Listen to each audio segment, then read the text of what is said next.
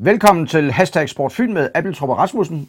Og øh, det er magasinet, som beskæftiger sig med Superligaen og selvfølgelig primært OB og klubbens skæbne. Og øh, vi skal beskæftige os med søndagens kamp mod Esbjerg som en klokken 20 på ja, Nature Energy Park. Ikke Odense Stadion, som det jo hedder, når andre klubber spiller derude. Og hvad er det for en kamp, vi kan se frem til, Leif Rasmussen? Hvad gælder det?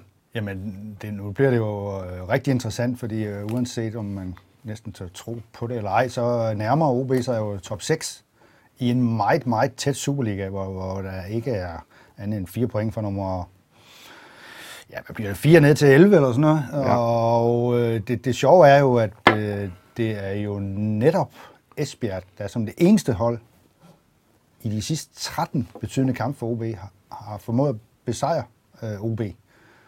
Det skete i Esbjerg for nogle, nogle uger siden. Ja, det kan jeg huske, ja. En det er noget med, at OB spillede aften, ja. godt i første halvleg, og pludselig misbrugte et par chancer, og så scorer Esbjerg vist nok med hånden. Mm.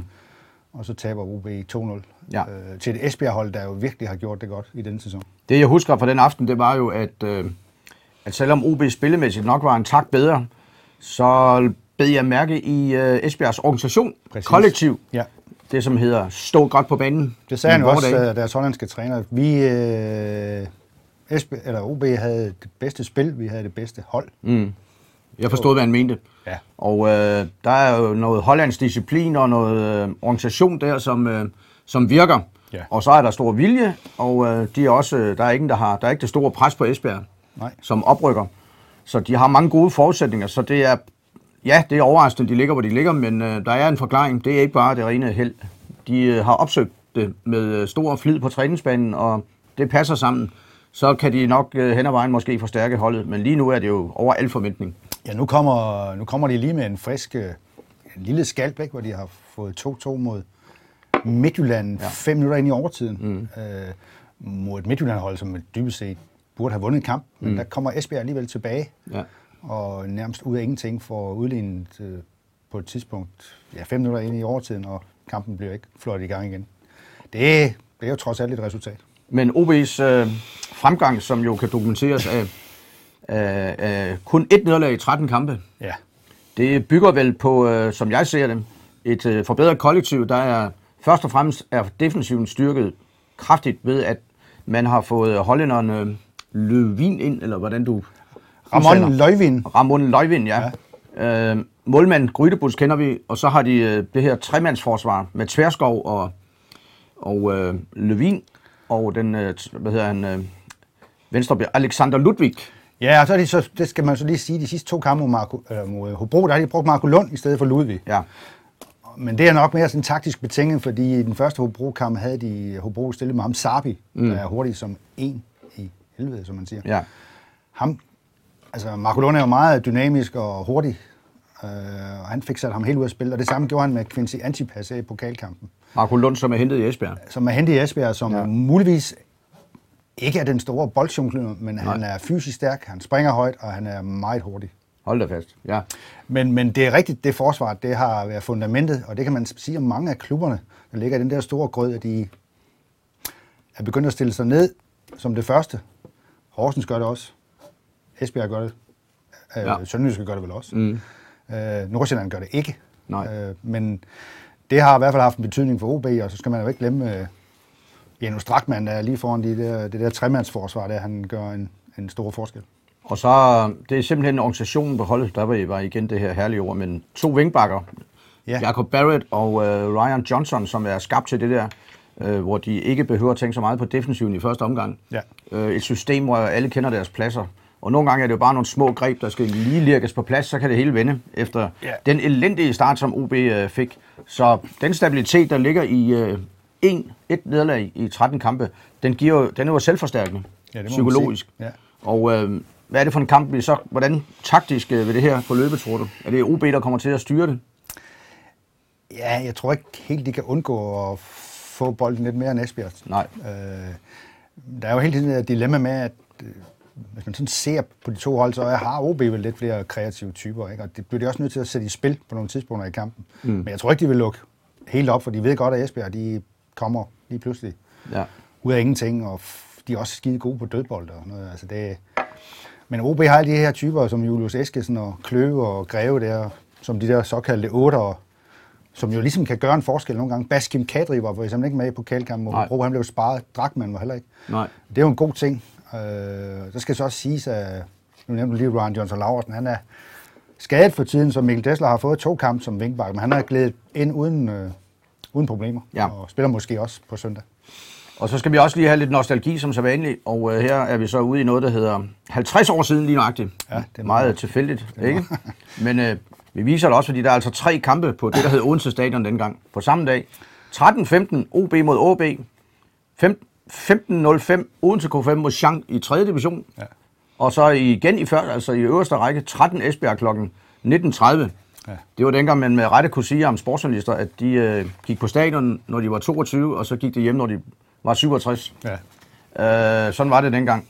Og øh, man kan se her et OB-hold med Mogens Terkelsen på mål, og Jens Høj Nielsen og Preben Hansen øh, ude fra Serslev. Øh, Kurt Christensen, Preben Hjort, slagtermester Preben Hjort, Karl Bertelsen, gamle Esbjerg-stjerne Ja. dengang, og John Christensen, øh, far til, farfar til Andreas Christensen, Christensen, ikke? jo, ja, jeg tror, det som er spiller på den- landsholdet. den, den ja. rundt, ja. Og øh, Søren Kok, 12. mand, Majeristens søn fra Væflingemensanden. Ja. Det fik vi så også lige nævnt. Øh, OB vandt 3-2. Kan jeg Gjorde de det? svagt huske, men de rykkede Mensanden ned. Øh, så er der B13 om aftenen mod Esbjerg. Og øh, B13 blev nummer 4. Det er også en klassisk kamp. Ja. der. Det der Esbjerg, det klinger altså et eller andet for os øh, odenseanere. øh, Max Møller på mål, og Bjarne Kickenborg hang stadigvæk fast på holdet. Egon Jensen. Og øh, der var Preben Jensen. og så et 13-hold med Bent Jensen. Jeg mener, han scorede sejrsmålet til 1-0. Ja. Og øh, det var dengang fire hold kunne blive mestre på sidste spil, spilledag. Det blev så KB. Det husker jeg godt. Det var noget med målkoefficienten og sådan noget, der blev afgørende. Ja. Det, det, det fører for vidt at Ja. ja. fortælle, hvad Men læg målkoefficienten mærke til kampprogrammet, øh, øh, trygt af Fyns Stiftstidende, ja. som øh, praler af at være Fyns største og bedste avis. Det er jo trods alt... Sådan er det stadigvæk. Sådan, ja, sådan er det stadigvæk, skal vi sige. Og, øh, men tilbage til nutiden. Og øh, hvor mange hold vil du sige er sikre på at, at komme i top 6? Altså FCK og Midtjylland.